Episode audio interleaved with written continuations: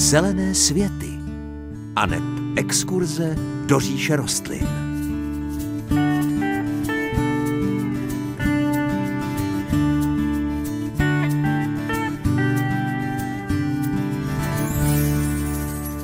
Kdo založí zahradu, vysadí si štěstí.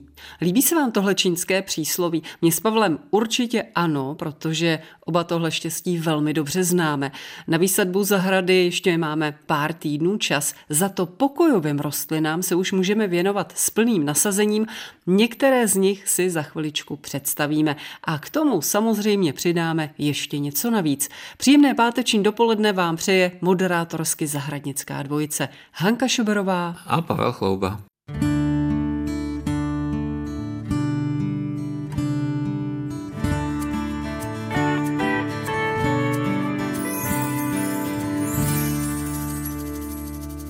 Pavle, my jsme se opět ocitli mimo studio. Máme své cesty a výlety velmi rádi a pídíme se po rostlinách. U jedné takové jsme se zastavili. Je mi hodně povědomá, my ji vidíme v takových větších rozměrech, ale známý i z květináče. Co je to zač? Připomíná mi trošku jakoby juku. Ano, jako na první pohled možná celkem ano. Kdybyste ale šáhla na tu rostlinku, tak už by ten pocit asi byl trošku jiný, protože juka je hladká a tady ta rostlina má po okrajích poměrně silné zoubky. Mohly by i ublížit si celkem dobře, myslím. Tato rostlina se jmenuje pandanus, neboli pandán. Je to rostlina, která bude mnoha posluchačům velmi, velmi dobře známá, řekl bych, protože v 70. a 80. letech to byla jedna z takových nejdostupnějších pokojových rostlin. A co já si pamatuju tedy, tak pěstovala se ve třídách, eh, v čekárnách eh, u doktora, v kancelářích Prostě pandanus eh, byla rostlina, která byla velmi hojná. Dneska je trošku možná do ústraní posunuli druhy, které jsou atraktivnější třeba nebo zase nějaké jiné, ale myslím si, že dobře, že jsme se zastavili u tohoto kusu, eh, protože to rostlina velmi zajímavá.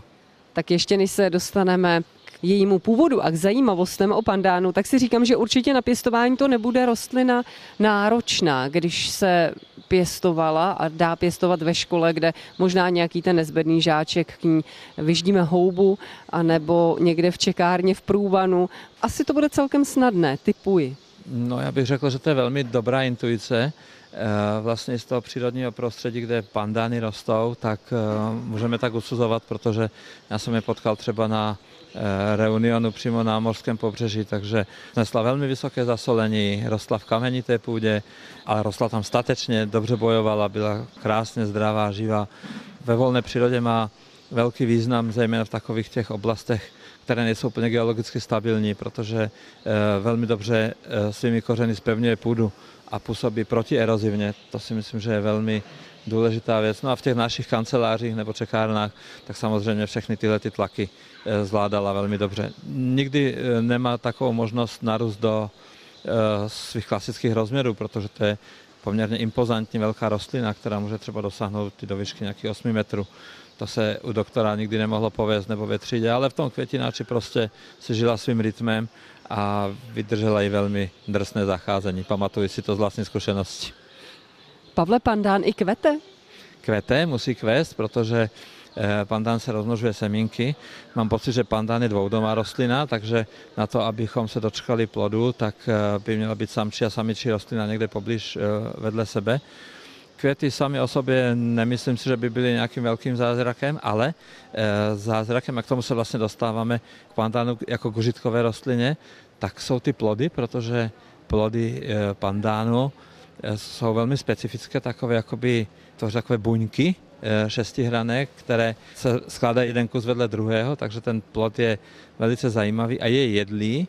Ta dužnina, když eh, ještě plod úplně nezestárne, tak je využitelná na mnoho, mnoho způsobů eh, v kuchyni. Trošičku malinko se to dá srovnat možná s cuketou, protože to takové plnidlo, které pojme různé chutě ale je možná i trošku výživnější než je cuketa, takže je to jídlo chudý v tropických oblastech a je velmi variabilní v kuchyni. Já bych si dokonce typla, Pavle, že nejenom plod bude poživatelný a navíc ještě chutný, ale že i listy pandánu by se daly možná použít, tedy alespoň v té domovině. Využívali se nějak? typujete správně, Hanko, je to úplně přesně tak. Eh, listy pandánu jsou velmi pevné, jsou kožovité a obsahují takové velmi pevné, silné vlákno. Takže se používali na různé věci košikářského typu, tak jako se u nás z prouti dělají rohože, koše, takové nůše, tašky, tak to se všechno dá dělat i z pandánu. Lidé v těch eh, tropických oblastech to vědí a eh, z pandánu upletou opravdu téměř cokoliv. A navíc eh, nejenom, že to vypadá hezky, ale je to i velmi pevné.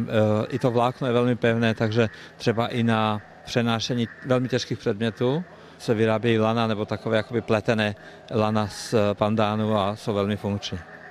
A já mám radost, Pavle, protože na zdánlivě obyčejnou rostlinu po dnešním povídání budu mít úplně jiný náhled a já za to děkuju. Za málo, Hanko. Já si myslím, že mnoho úplně obyčejných rostlin v našem pořadu děláme zajímavějšími, tak abychom na ně měli jiný náhled.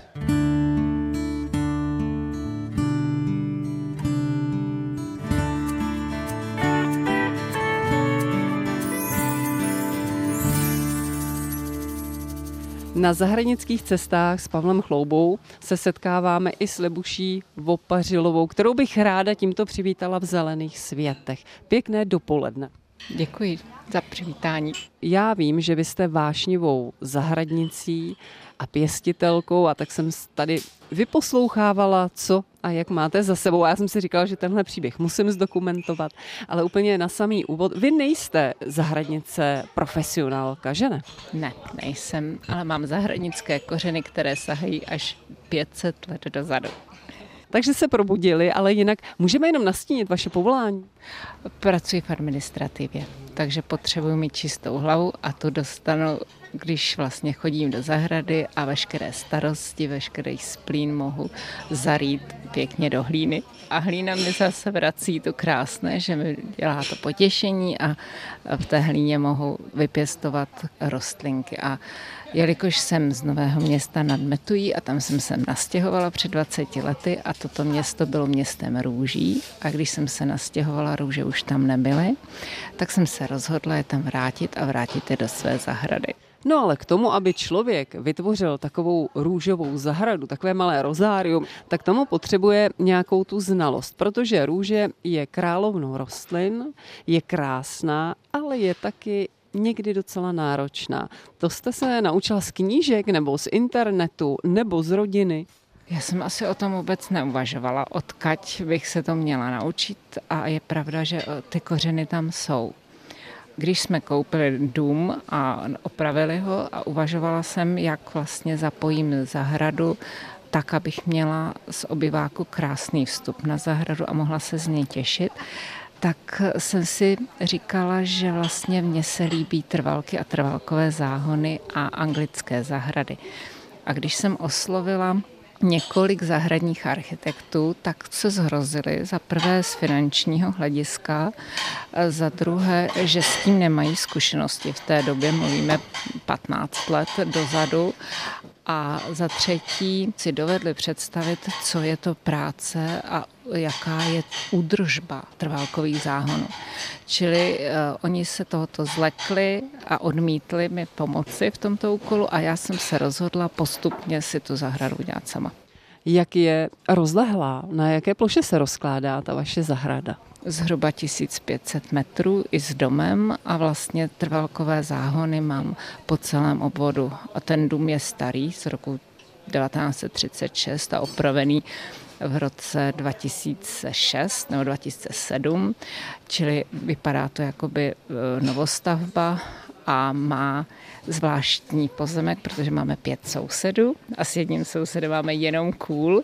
Není to pravidelný tvar. A ještě z kopce, takže já jsem bohužel musela zvažovat, eh, co udělám s terénem a co udělám s materiálem, který mi zůstal po eh, vlastně rekonstrukci domu. A já jsem tu suť použila na vytvoření, já říkám, proti sousedových valů.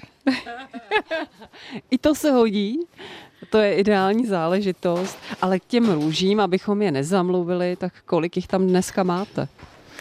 A tvrdím, že 365 na každý den v roce, ale samozřejmě některé také zajdou, takže něco je v zásobě, ale to nebudu prozrazovat.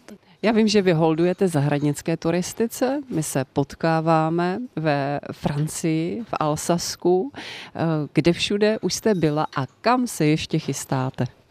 Tak já jsem měla štěstí, že jsem dva roky žila v Anglii, takže zahradě anglické se prostě do mě nějakým způsobem naimplementovaly, tak jako plevel, tak prostě růže zahradni, zahradnické eh, pokusy. A měla jsem teda štěstí, že jsem trošilenku cestovala, byla jsem jak v Americe, tak eh, na evropském kontinentě, ale mým životním snem je dostat se na druhou polokouli. Tak já vám přeju, aby se vám to povedlo, abyste si odtud něco hezkého přivezla, ať už nějakou tu rostlinku, anebo eh, ty zážitky, kterých asi není nikdy dost a které vás rozhodně naplňují, tak mějte se moc hezké, ať se daří a děkujeme. Já také děkuji, nashledanou.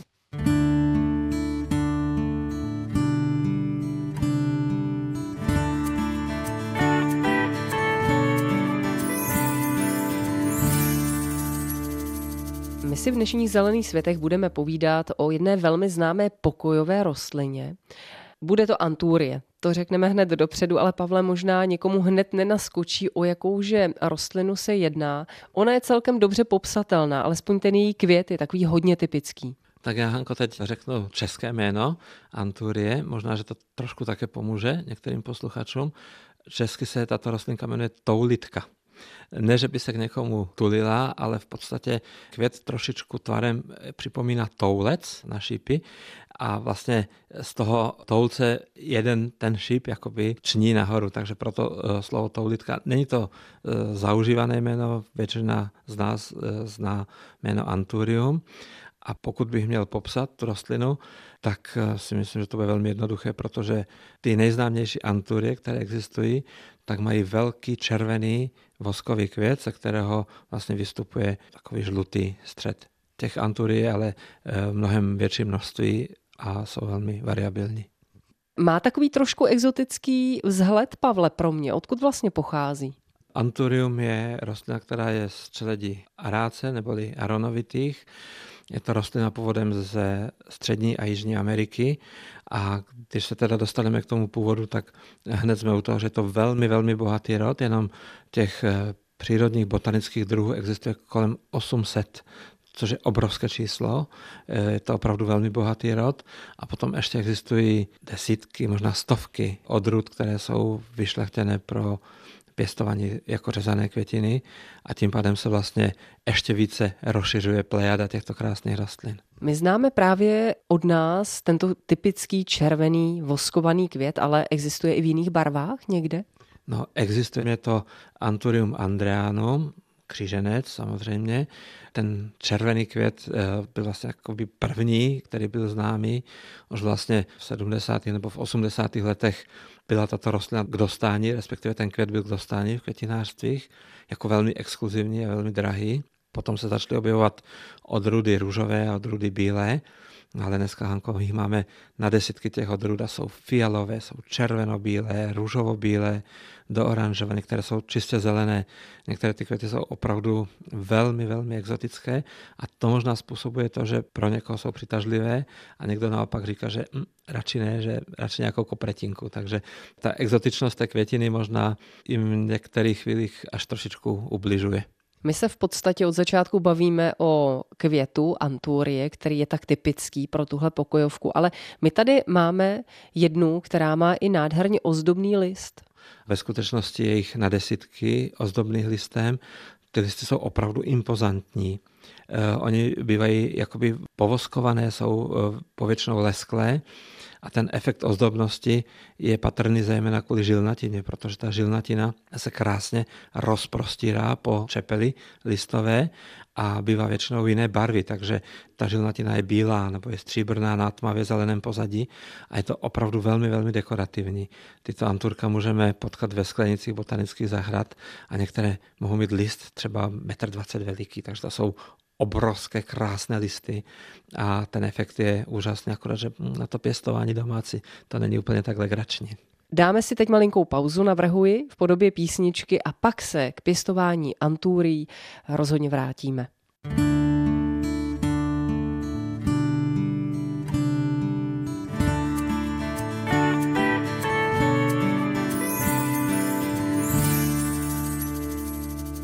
Po písničce se vracíme k anturiím, už víme, odkud pocházejí, že existuje mnoho druhů, víme, jak anturie samozřejmě vypadá, ale před písničkou jste říkal, že to pěstování, to bude nějaká záludnost.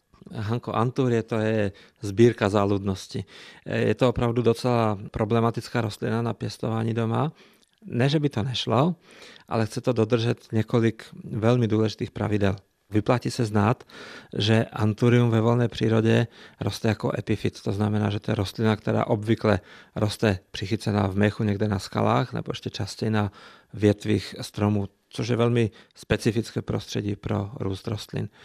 Roste v zemích, kde je eh, velmi vysoká vlhkost vzduchu a stála vysoká teplota. To znamená, že něco podobného musíme dosáhnout i v zajetí, když ty rostlinky pěstujeme. Takže budeme hledat místo, které je světlé. Nesmí to být přímé sluníčko. Mělo by to být světlo, které je rozptýlené, takové tlumené. To je pro tu rostlinu fajn. S vysokou vlhkostí vzduchu je také problém často doma, protože to se těžko udržuje. Dá se to dosáhnout eh, třeba tím, že dáme rostlinu do nějakého skleničku okenního nebo nějaký foliový kryt uděláme, který bude vypadat trošku dobře, aby to zase eh, nebyla estetická vada pro to bydlení. Takže to jsou eh, další záludnosti.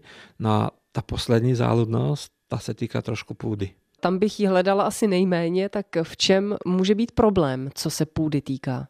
No, co se týká půdy, tak tam je jeden, on to není ani problém, ale to takový, eh, takový problémeček malinký, protože mladé rostliny potřebují trošku jinou půdu než rostliny starší. A to pokud nevíme a koupíme si malinkou rostlinu v květinářství, nemůžeme stejnou půdu prostě používat pro tu rostlinu do nekonečna.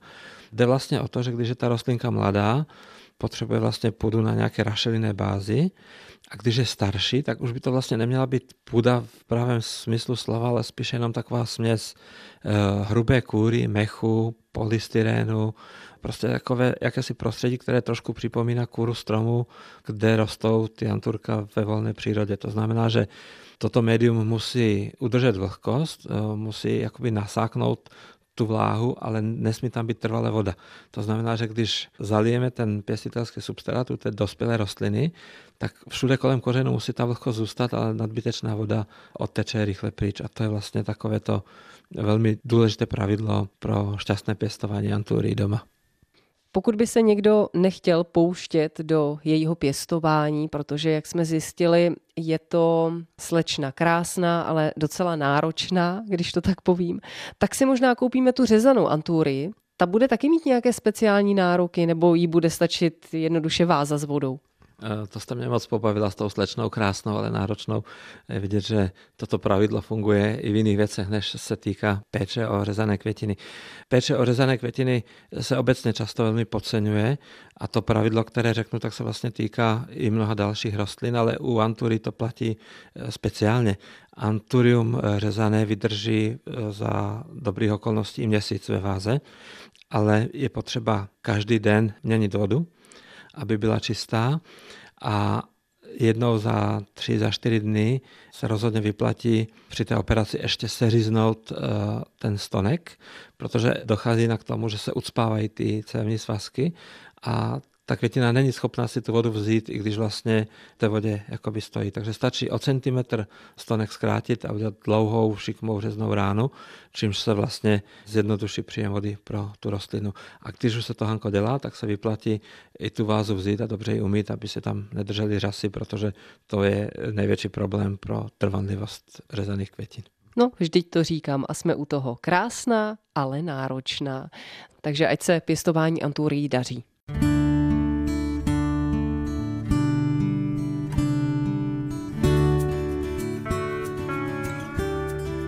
Už je z dnešních zelených světů všechno. Ještě připomenu adresy, jakými se s námi spojit. Můžete buď psát na Český rozhlas u Třílvů 1 370 01 České Budějovice, možná pro vás bude jednodušší e-mail zelené svety zavináč cb.rozhlas.cz anebo zatelefonujte na 22 155 44 33. To je náš rozhlasový záznamník, na který můžete nadiktovat svůj dotaz. Příjemnější a veselější život s rostlinami vám od mikrofonu Zelených světů pro dnešek přejí Hanka Šuberová a Pavel Chlouba.